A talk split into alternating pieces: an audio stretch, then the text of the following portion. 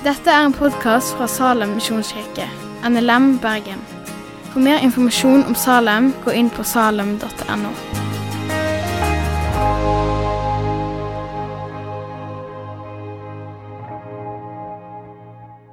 Som sagt så er jeg lærer, og det kommer dere kanskje til å merke litt i talen i dag. Um, det kommer til å være litt skolespråk. Jeg kommer til å bruke litt sånn uh, kompetansemål og pensum og litt sånn type ord. Men bare ta det helt med ro. Det kommer ikke til å være en prøve på slutten. Dere får ikke noe karakter om dere har fulgt med eller ikke, og jeg deler ikke ut anmerkninger hvis dere sovner.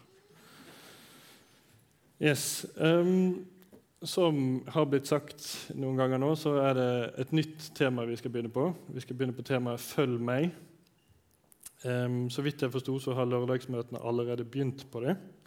Um, men jeg har fått da undertemaet, som sagt, 'Hva er en disippel?' Og det er et veldig, veldig godt spørsmål. Det er et spørsmål som har egentlig veldig, veldig mange svar. Og det har fått meg til å tenke veldig godt igjennom hva er egentlig en disippel.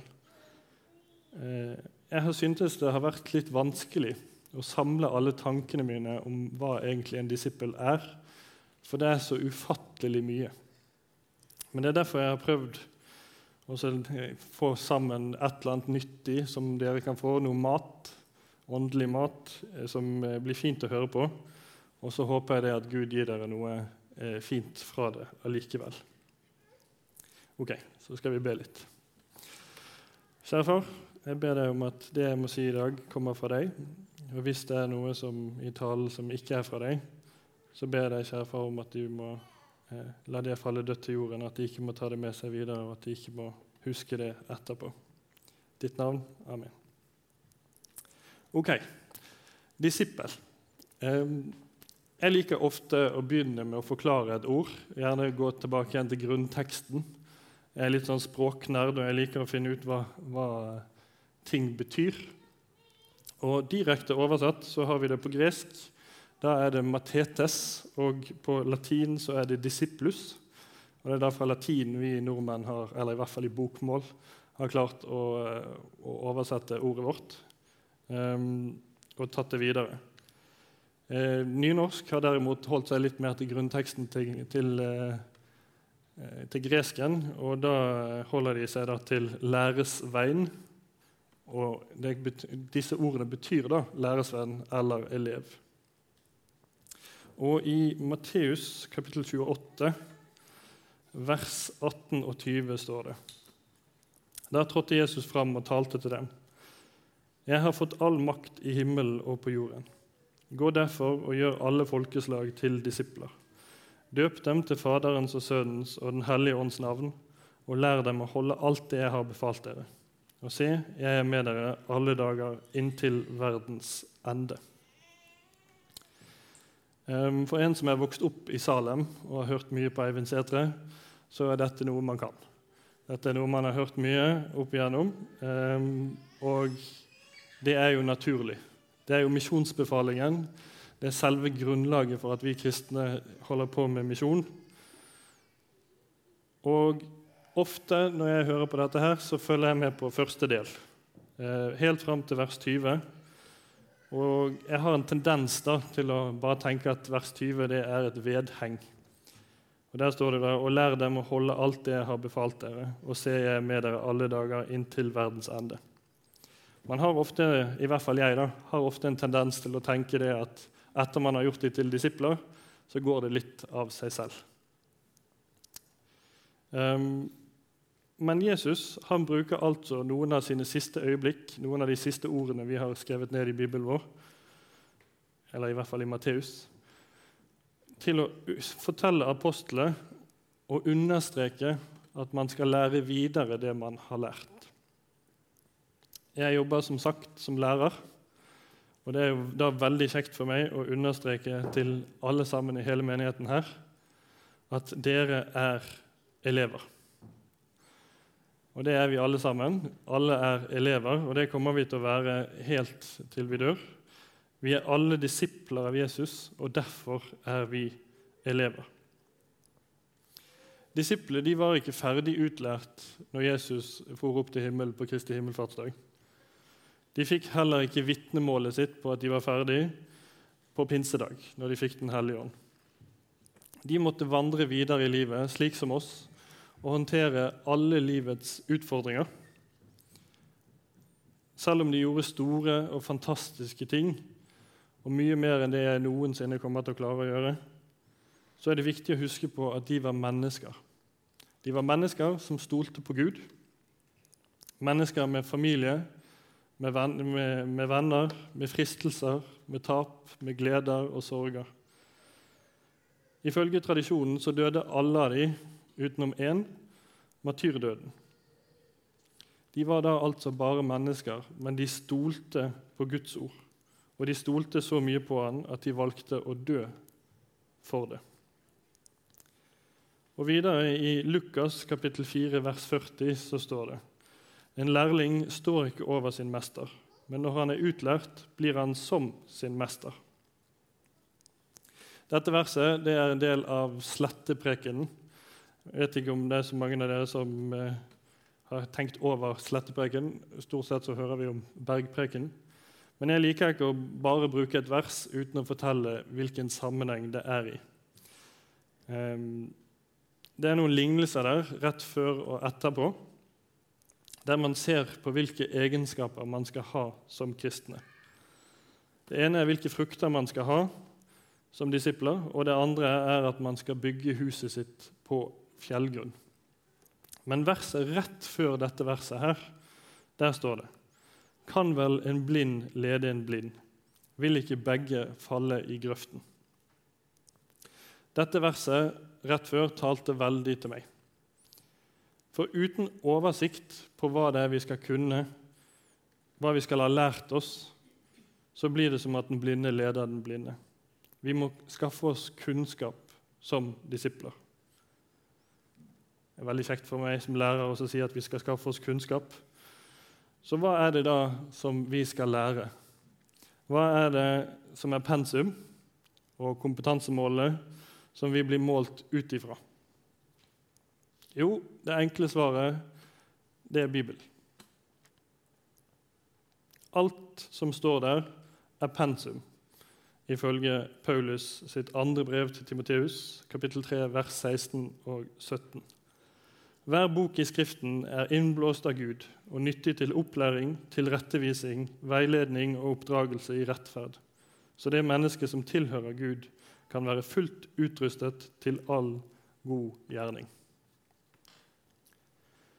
Alle vi som er her inne, vi har ulike liv, ulike jobber, og vi har ikke alle sammen tatt de samme valgene for å komme hit i dag. Vi er på alle, alle på ulike stadier i kristenlivet vårt. Og for å bygge videre på elevbildet så er det som at noen av oss de går i første klasse og lærer seg å lese, altså hva, hva det vil si å være en kristen. Noen av oss har gått litt videre og er kanskje kommet seg til ungdomsskolen og har lært seg litt mer, mens atter andre holder på med sin tredje doktorgrad og kanskje har lyst til å begynne på sin fjerde etter hvert. Felles for alle sammen er at vi er elever. Og elever trenger en lærer, en læremester, en mentor. Og Hvis vi ser bort fra den øverste læremesteren, altså da Jesus, så trenger vi da eh, elever som kan hjelpe oss videre. Noen elever som har vært der før. Noen andre elever som kan være en medvandrer. Som kan lære oss noen studieteknikker fordi de kanskje har vært gjennom det samme som det vi har vært før. Slik det sto i misjonsbefalingen, så var det nettopp disipler som lærte videre til nye disipler. De ulike stadiene i disippellivet er ikke en ulempe, men det er en styrke. Det betyr at vi som er i denne menigheten, kan hjelpe hverandre videre med å kunne leve så gode liv som vi klarer her på jorden. Som det står på Salem sine hjemmesider om eh, medvandring, så betyr det rett og slett at det er to kristne som hjelper og oppmuntrer hverandre. Det betyr ikke at den ene står over den andre fordi de har vært kristne i, i 80 år, og den andre bare har vært kristne i to. Men det betyr at det er to likeverdige partnere som hjelper hverandre videre i livets vanskeligheter. Vi skal derfor ikke vente på at Kristian skal hjelpe alle medlemmene, eller at han skal være tilgjengelig 24-7 for å kunne svare på alle spørsmål. Nei, vi skal være medvandrere som ser hverandre. Og Hvis du ser at en kristen søster eller bror trenger det, trenger å prate, trenger hjelp, eller bare går gjennom noe vanskelig og ikke har spurt om det, så er det viktig at du er der for dem. Og Når vi snakker om relasjoner mellom kristne, så er en av mine favorittrelasjoner i Bibelen eh, relasjonen mellom Paulus og Timoteus. Og Paulus han møter Timoteus først i Apostles gjerninger, kapittel 16, vers 1 og 4. Han kom da også fram til Derbe og Lystra. Der var det en disippel som het Timoteus. Han var sønn av en troende jødisk kvinne, og faren var greker. Søsknene i Lystra og Ikonium hadde bare godt å si om ham. Paulus ønsket å ha ham med seg på reisen, og han omskar ham av hensyn til de jødene som bodde i disse traktene. Alle visste nemlig at faren hans var greker. De reiste så fra by til by og overleverte de forskriftene som apostlene og de eldste i Jerusalem hadde vedtatt, med påbud om at de skulle følge dem. Det var altså ikke noen relasjon mellom Paulus og Timoteus før dette. I hvert fall ikke som jeg har funnet i Bibelen. Likevel så blir det et godt forhold mellom dem. Det blir et, ja, en, en, mentor og en elev. En som har vært troende en god stund. Og Paulus lar da eh, Timoteus passe på menigheten i Efesos mens han drar over til Makedonia. Han har tillit til ham, han viser ham tillit. Han sender ham brev, og han blir en medvandrer, en medarbeider, og ikke kun en elev av Paulus. De to brevene til Timoteus som er i Bibelen, er noe av det mest intime, etter min mening, som Paulus skriver. Det er da brev fra en mann som vet at han snart skal lide martyrdøden. At han går til enden på sitt arbeid her på jorden. Paulus selv skriver i Filippabrevet at forholdet mellom dem er som en sønn som hjelper sin far.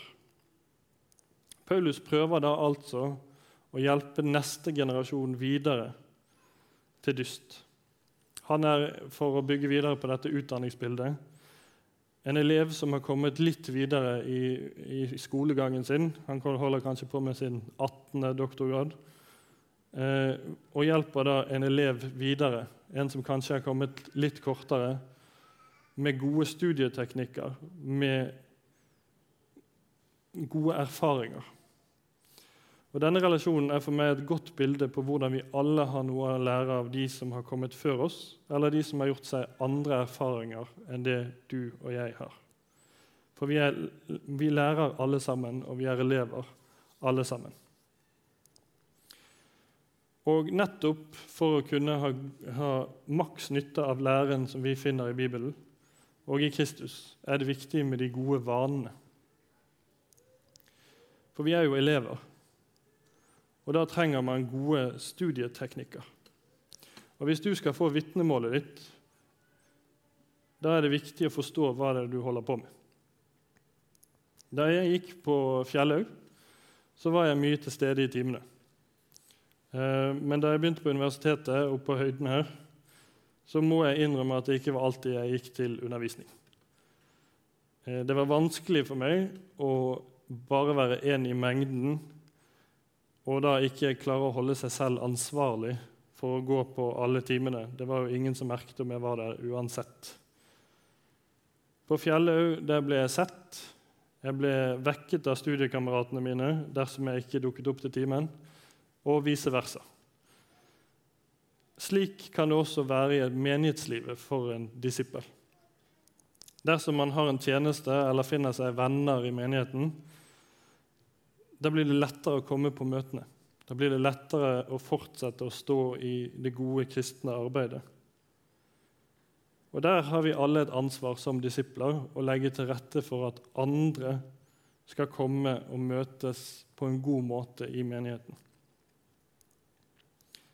De må bli sett, og de må bli en del av vårt fellesskap når de kommer hit. Og I hele apostelets gjerninger, når det står om ikke-kristne som kom til tro, så står det at de blir døpt og lagt til menigheten. Det finnes ikke-kristne som står utenfor en menighet i Bibelen. På Fjellhaug brukte læreren min, Egil Sjåstad, han brukte et bilde om at vi kristne er som små kvister. Han har sikkert stjålet det fra noen før, men det er han jeg hørte det fra først. i hvert fall. Hvis vi står alene, så brekker vi lett. Men hvis du tar alle kvistene sammen og legger dem i en god bunt, så blir vi sterkere. Og da skal det mye mer til før vi, før vi knekker. Og Derfor blir vi sterke sammen. En annen studieteknikk, som er kanskje den aller lureste uansett om du, hva du studerer eller blir undervist i, det er å faktisk lese pensum. Du kommer ikke veldig langt på eksamen hvis ikke du har lest pensum. Og pensum i denne sammenhengen her, det er da faktisk å bruke tid på å lære seg den læren som Gud har gitt oss. Å ha samtaler med andre kristne det er bra, men det kan aldri erstatte det å faktisk lese pensum. Å lære Guds ord, bruke tid på Guds ord og vite hva som står der. For I Matteus kapittel 4, vers 4 så står det det står skrevet Mennesket lever ikke av brød alene, men av hvert ord som går ut av Guds munn. Dette er ord som Jesus sier når djevelen prøver å friste ham. Jesus, vår frelser, Gud selv, han trengte å bruke tid på å lese sin bibel. Bruke tid i Skriften. Ikke fordi han ikke kunne det, han kunne jo det uten at det var jo hans ord som var der. Men fordi han trengte det. Han hadde et behov, et fysisk behov for å lese Skriften, for å bruke tid i det. Fordi han visste at vi ikke bare lever av brød alene. Det er faktisk ikke nok for oss å bare eie en bibel. Vi må faktisk lese den. Vi må bruke tid med Gud i Bibelen. Og Så er det en tredje studieteknikk. og det, Den finner vi i Matteus 7, eh, vers 7 og 8. Be, så skal dere få. Let, så skal dere finne. Bank på, så skal det lukkes opp for dere. For den som ber, han får, og den som leter, han finner, og den som banker på, skal det lukkes opp for. Og videre i Filippabrevet kapittel 4, vers 6.: Vær ikke bekymret for noe, men legg alt dere har på hjertet, framfor Gud. Be og kall på ham med takk. Den tredje studieteknikken er da altså bønn. Dette er bare to av mange steder i Bibelen som sier hvor viktig det er med bønn i kristelivet. Når vi ber, så bruker vi tid sammen med Gud. Vi snakker med ham. Vi legger våre bekymringer på ham. Våre gleder, våre sorger, våre bragder. Det er ikke en enveiskommunikasjon som mange ikke-kristne tror at det er, at vi bare snakker med en fantasivenn. Men du får faktisk en viktig del av det å være bevart i troen, er å snakke med Gud gjennom bønn. Av og til så kan det virke som at ingen svarer, men han hører, han lytter, han hjelper deg gjennom det du sliter med, eller det, de gledene du har. Det å oppnå en tillit til Gud og å stole på han i, i hverdagen blir da altså enklere når man har en dialog med han i bønn og i Bibelen. Så er det jo bare å innrømme det at det er ikke alltid livet går på skinner. Ikke, nå har jeg fått det til å fremstilt som at hvis du bare følger disse studieteknikkene, her, så kommer du til å ha det veldig veldig enkelt i livet. Det stemmer ikke. Det gjør det bare litt enklere. For vi er alle syndere. Vi gjør alle gale ting. Det er ikke alltid vi klarer å leve det perfekte livet. Men som en disippel så er det viktig at vi streber etter å leve slik som Gud har sagt at vi skal lære leve. Det er ikke alltid vi får det til, men dersom disse studieteknikkene blir brukt, så er det litt lettere å komme tilbake igjen til Gud hver gang. Hvis du faktisk har en relasjon med Gud hver dag, så kommer du til å savne det hvis du ikke har det der lenger.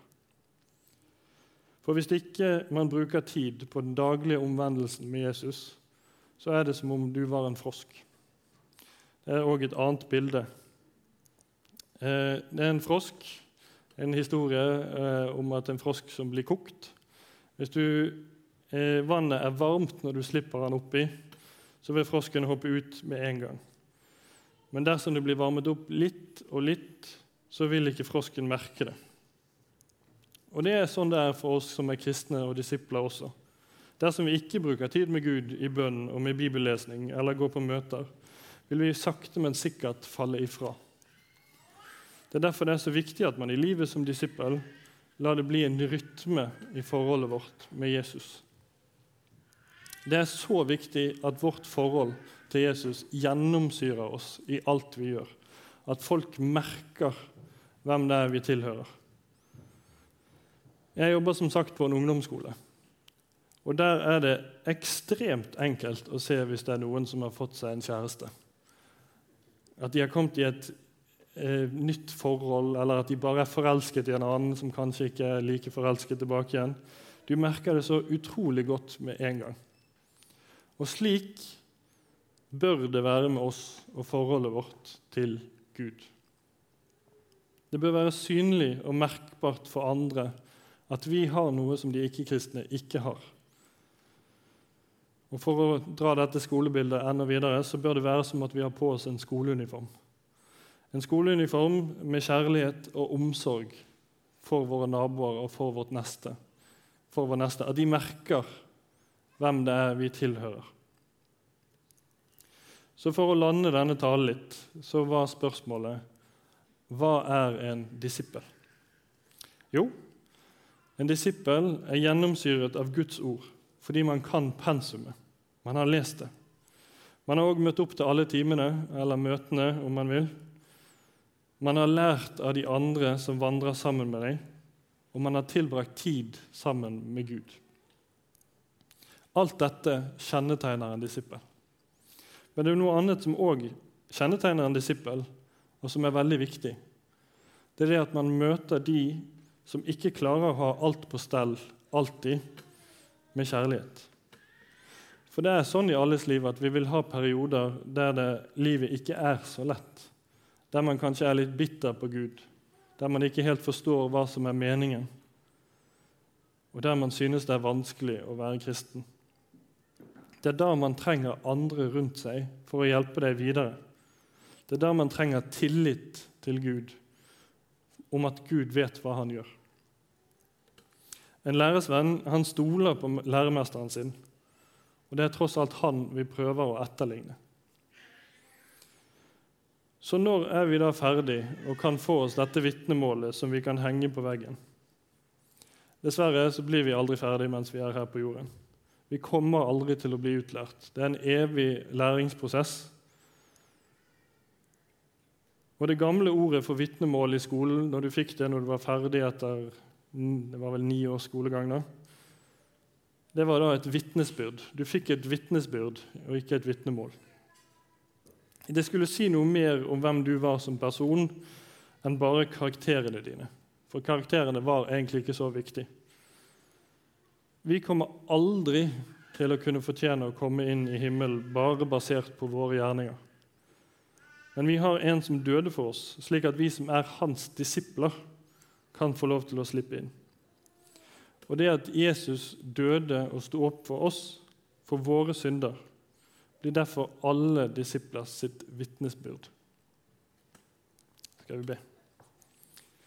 Kjære far, vær med alle her i salen. Vær med de som hører på hjemme. Vær med at vi kan leve som gode disipler. At vi kan møte de som er rundt oss, på en god måte, og at det er synlig hvem vi, hvem vi følger. Jeg ber deg holde din hånd over oss, velsigne oss og være med oss. Amen. Takk for at du har hørt på podkasten fra Salem, Bergen. I Salem vil vi vinne, bevare, utruste og sende. Til Guds ære. Vi ønsker å se mennesker finne fellesskap, møte Jesus og bli disippelgjort her i Bergen og i resten av verden. Vil du vite mer om oss, gå inn på salem.no.